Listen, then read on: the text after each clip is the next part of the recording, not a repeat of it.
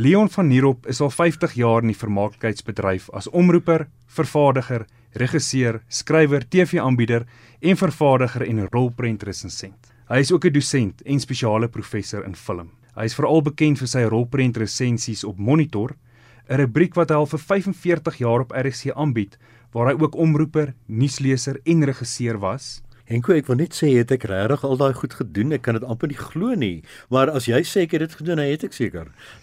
en jy het ook maar as radioskrywer begin met treffers soos Wolwe dans in die skemer waarvan en en luisteraars kan gerus na hierdie statistieke luister. Wolwe dans in die skemer 800 halfuur episodes. Toe nag van die strandloper, herberg vir 'n vlugteling, strale jakkers wat 6 jaar lank uitgesaai is. 1367 episodes. Ongelooflik. Toe ratels wat 9 jaar lank uitgesaai is en nou tot baie onlangs toe hartebreker. Ja, hartebreker wat staan op die oomblik wat ons opneem op episode 1330. Jy sê dat jy jou kan vereenselwig met beer deurdat jy jouself beskryf as 'n neurotiese mens. Vertel vir my of dit 'n impak het op jou persoonlike geldsaake, jou begroting, hoe jy te werk gaan met geld op 'n daaglikse basis? Definitief. Ek bestuur my geldsaake met 'n eysterhand want as jy vryskut is, weet jy nooit wat jy die einde van die maand verdien nie. Of jy kan R10 verdien of jy kan baie meer as dit verdien. Soms sal mense vir jou sê jy doen nou iets vir ons, maar ons betaal jou oor 3 maande.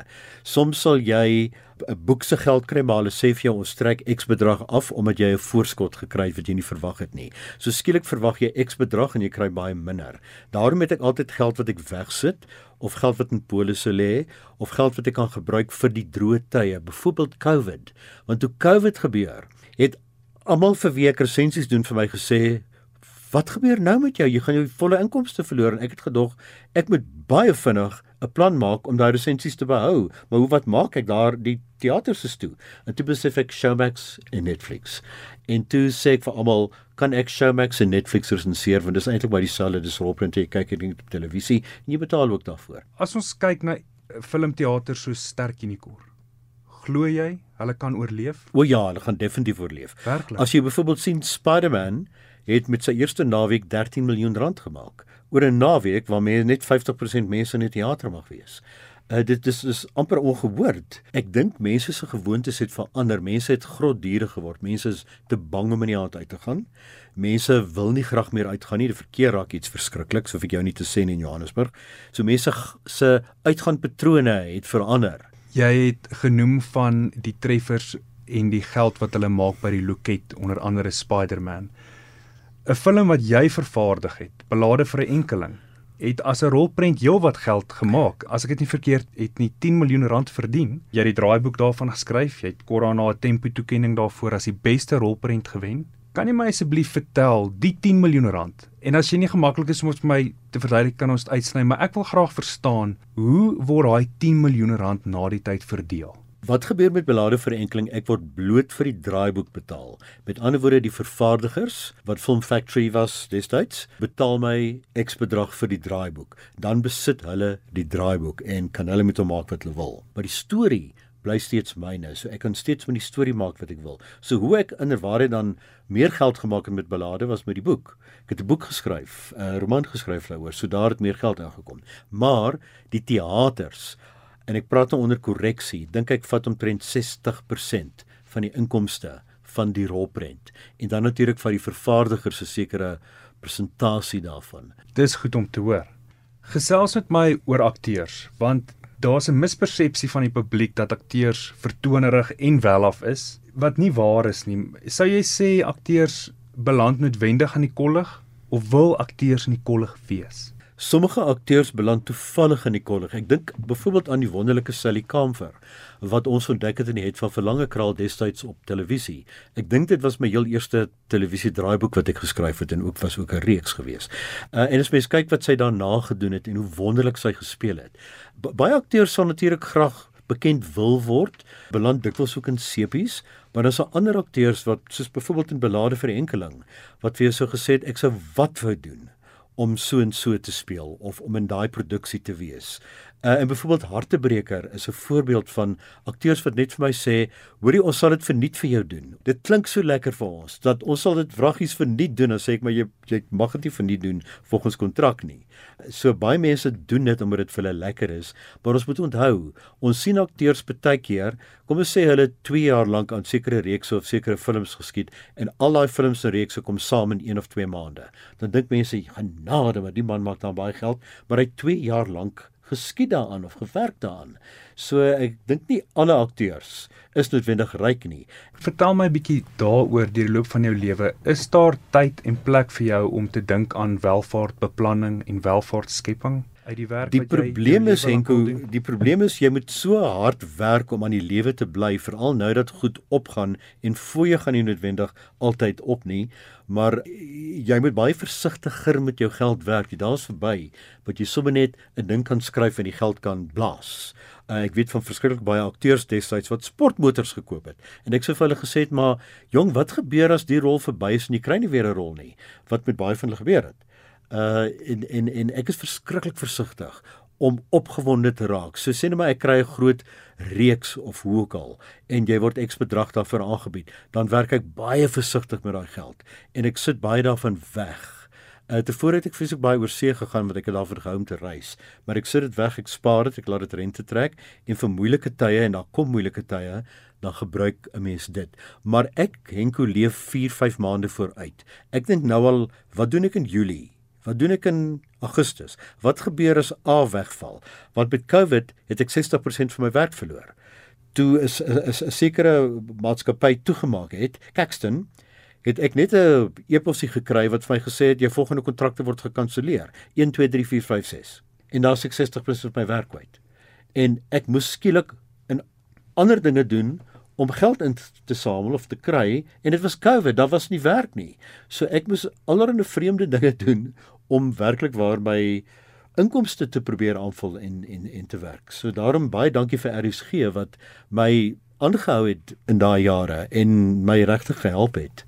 Jy het vir ons vroeër verduidelik dat jy aantekeninge maak en fyn beplan rondom jou uitgawes. In jou boek daar deur in die fliek is daar aan die einde van die boek vir my 'n paaseier weggesteek. Want die boek maak sy afsluiting in hoofstuk 33 en hoofstukke 34 tot 37 is aantekeninge wat jy maak. Jy noem dit ook kanttekeninge oor rolprent kritiek. Jy het daardie boek daardeur in die fliek wat ontleen is aan Jamie Eise daardeur in die Bosveld geskryf. Dit sê vir my ek het daai laaste paar hoofstukke, daai kanttekeninge wat jy gemaak het, amper meer geniet en ek verstaan van jou dat dit is amper wat jy met jou beplanning en jou uitgawes ook doen.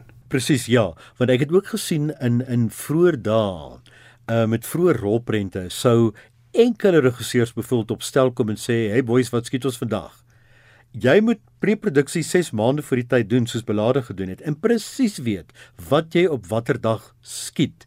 Uh ek moes presies weet watter bladsye ek op watter dag vir die 'n uh, regisseur Quentin Krog aflewer want natuurlik was die draaiboek klaar geskryf toe hy op aan aan die weet op die op die op die uh, stel gekom het.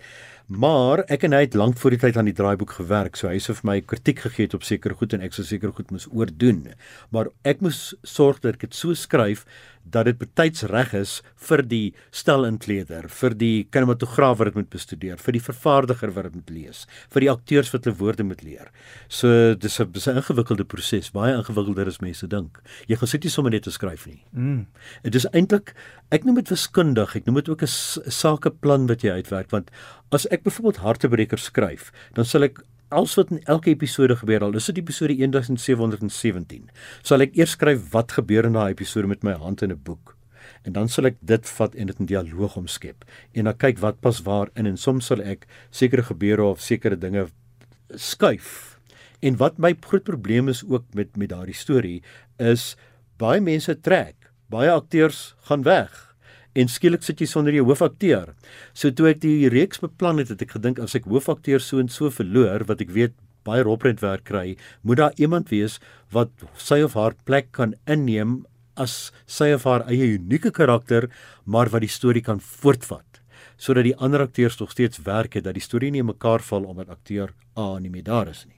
Jy was nog altyd 'n baie groot aanhanger van Katinka Heinz se ja. rolprente. O ja. En van haar se mens, en van haar se mens. Ek kan nie vir jou sê wat Katinka Heinz vir my als beteken en gedoen het nie. En toe ek die uh, erepenning vir rolprent kuns skryf, weet ek sy het baie daarmee te doen gehad en sy het dit aan my oorhandig en ek het na hierdie vrou gekyk en net gedink hierdie fenominale mens wat hierdie ongelooflike films gemaak het. Gee vir jy weet dink soveel van my dat sy dink ek verdien dit. Uh eintlik op grond van dat deur in die fliek en wat ek nogals anders gedoen het. So meesterlike filmmaker, fantastiese mens. Jy het haar films as meesterstukke bestempel. Onder andere het jy genoem Paljas, Die storie van Clara Villiers en Die Wonderwerker. Het jy 'n gunsteling Afrikaanse film daar buite wat vir jou nog die mooiste ooit is? Ja, dis 'n kontroversiële film, 'n film in die naam van Wonderlus en dit is die eerste keer dat ek gesien het dat 'n regisseur Johan Cronje 'n groep jong Afrikaners kon uitbeeld presies soos hulle is.